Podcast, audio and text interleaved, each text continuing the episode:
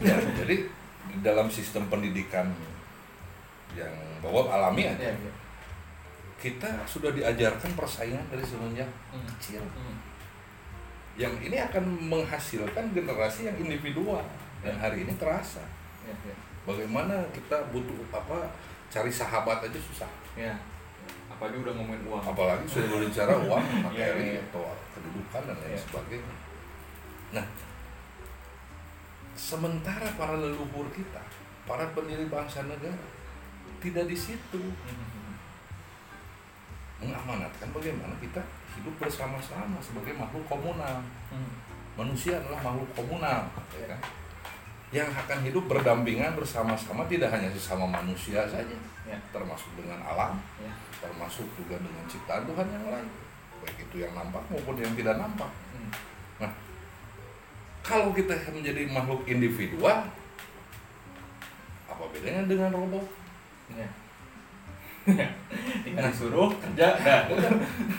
isi minyak Iya, misalnya isi kan minyak, kasih baterai. isi listrik selesai betul kalau secara gambar apa digambarkan atau di bahwa manusia itu ibarat robot atau Hmm. wayang Iya, iya, dari iya. Tuhan dari Iya. Allah betul tapi kita manusia itu hanya peribahasa saja Iya. tidak uh, real Iya. bahwa kita ini robot Mhm. karena kita diberi akal pikiran dan rasa Dan sebagai makhluk yang paling makhluk sempurna. sem- makhluk yang paling sempurna daripada ciptaan Tuhan yang lain. Nah, ini yang yang harus di disosialisasikan, dibedah ya, diperkenalkan Hmm. bahwa tidak sesederhana itu loh hidup Iya, iya, iya. sebagai bangsa Indonesia. Iya. Apalagi sekarang hanya cukup menghafal Pancasila selesai kamu bangsa Indonesia nggak begitu. Bagaimana dengan eh apa kehidupan sehari-hari? Pengaplikasiannya itu kan Pancasila Ya. itu sebagai eh, apa tatanan sebagai koridor Ya. Tatanan koridor untuk bangsa ini melangkah dalam kehidupan sehari Oke, apakah tadi balik ke proklamasi nih? Mm-mm. Ini kan ada hal-hal pemindahan kekuasaan. Nah Ya. kan ini secara umum mungkin mungkin ya yang Ijal tahu yang Ijal dapat dari ngobrol sama orang-orang tuh mungkin sebagian besar mereka menganggapnya ya hal-hal mengenai pemindahan kekuasaan ini tuh sekadar pemindahan kekuasaan dari Jepang ke Indonesia. Hmm, Kan itu umumnya ya. umum VOC Jepang ke Indonesia dan akhirnya kita punya republik dan punya presiden dan lain sebagainya.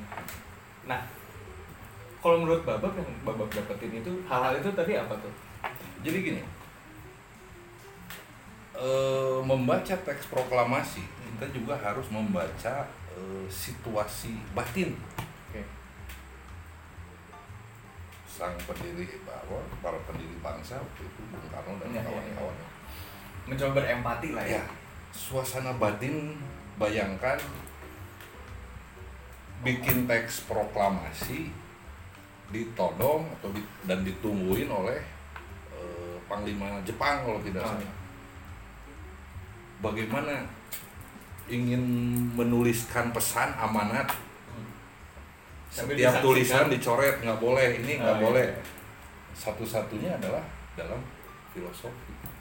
Maka muncullah alinea kedua hal-hal mengenai pemindahan kekuasaan dan lain-lain. Hmm. Kalau Bapak melihat hal-hal ini artinya adalah sistem-sistem kehidupan berbangsa bernegara Oke. yang harus dikuasai kembali oleh bangsa Indonesia yang sudah dirangkum dalam Pancasila Hmm. Iya, iya, iya, iya. yang berasal dari adat dan budaya senusantara dari mulai sistem pendidikan Hmm. sebagai induk semang peradaban manusia Ya. sistem agama, sistem politik, sistem hukum, sistem ekonomi dan lain sebagainya. Kalau kita lihat hari ini, Bob tanya misalnya gitu, ya sistem pendidikan pakai sistem pendidikan apa hari ini? Dari situ. Dari kita. Dari Sorbonne. Iya. Ya umumnya pasti kan nggak tahu gitu kan. Sistem agama, Ya. sistem politik, Ya. apakah milik bangsa Indonesia? Kita semua kayak mencontoh kan. Maksudnya ya mencontoh tapi kepada Ke bangsa lain. ke bangsa lain. Dulu masuknya Islam ke Indonesia, ke Nusantara, Hmm. itu kan melalui seni dan budaya. Perdagangan dan seni dan perdagangan. Ada wayang, pada Hmm. saat itu ada macam-macam. Ya. Masuk ke Islam. Ya. Nah, itu kan sistem Iya. beragama. Sistem politik misalnya. Hmm.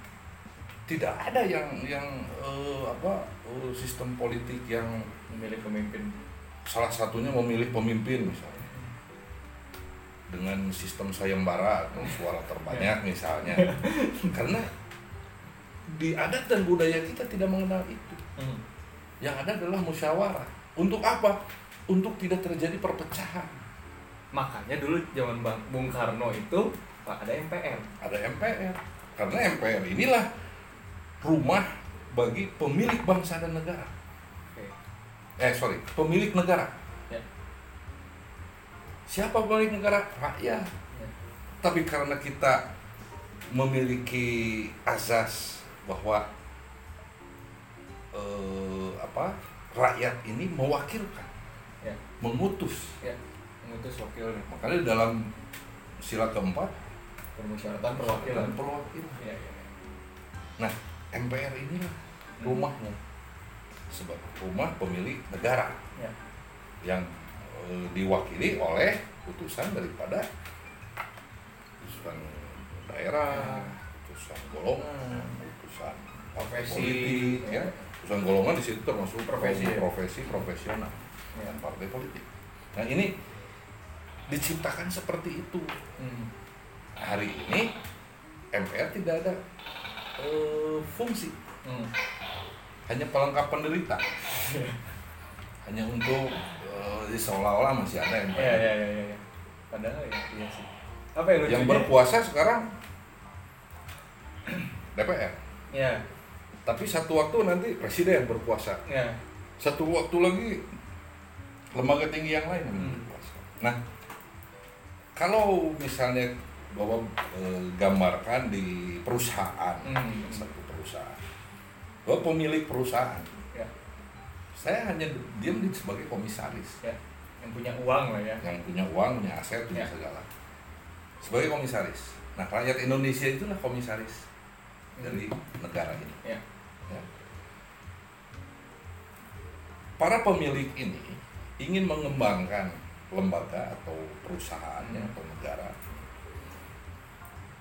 menjadi lebih baik, Hmm. lebih bermanfaat dan eh, terjadi keadilan sosial. ya Maka membuatlah program Hmm. jangka pendek, jangka menengah, jangka panjang ya dari pemilik ini. Jangka pendeknya lima tahunan misalnya, jangka pas- menengahnya 15 tahun atau 25 tahun jangka panjangnya 50 100 tahun. Nah, di dalam target 5 tahun ini apa saja yang ingin saya capai sebagai pemilik? Hmm. Oh, ini nih. Saya target saya pengen eh, apa? lahan pertanian bertambah, Hmm. hutan bertambah misalnya. Rakyat sehat, rakyat bisa mendapatkan pendidikan dan pengajaran yang baik dan lain sebagainya. Siapa yang melaksanakan ini? Hmm. Yang disebut eksekutif. ya Itulah presiden. ya dan jajarannya Dan dibantu oleh perangkat Ya. menteri dan lain Ya. sebagainya. Presiden, kamu tolong jalankan ini. ya Lima tahun itu. CEO-nya lah ya CEO. ya Jalanlah presiden dengan timnya ya untuk Mewujudkan. ya cita-cita yang tadi cita-cita atau Tujuan. atau tujuan. ya.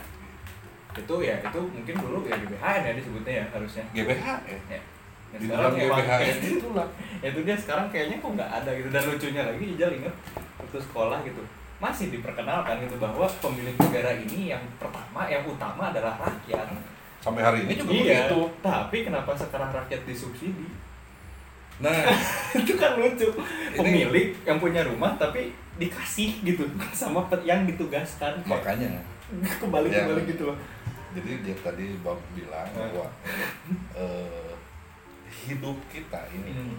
dasarnya harus dari contoh dan amanat. Ya. Sementara contoh dan amanat ini lebih ber- banyak dan be- apa bunyinya itu dalam filosofi. ya Sementara kita tidak diajarkan bagaimana filsafat, ya ya bagaimana membedah filosofi Hmm. yang membutuhkan akal, pikiran dan rasa. ya bahkan di Sunda tuh ada tujuh tingkatan Wah, bahasa itu kan seperti itu. Ya. Nah, bagaimana bisa membedah ini?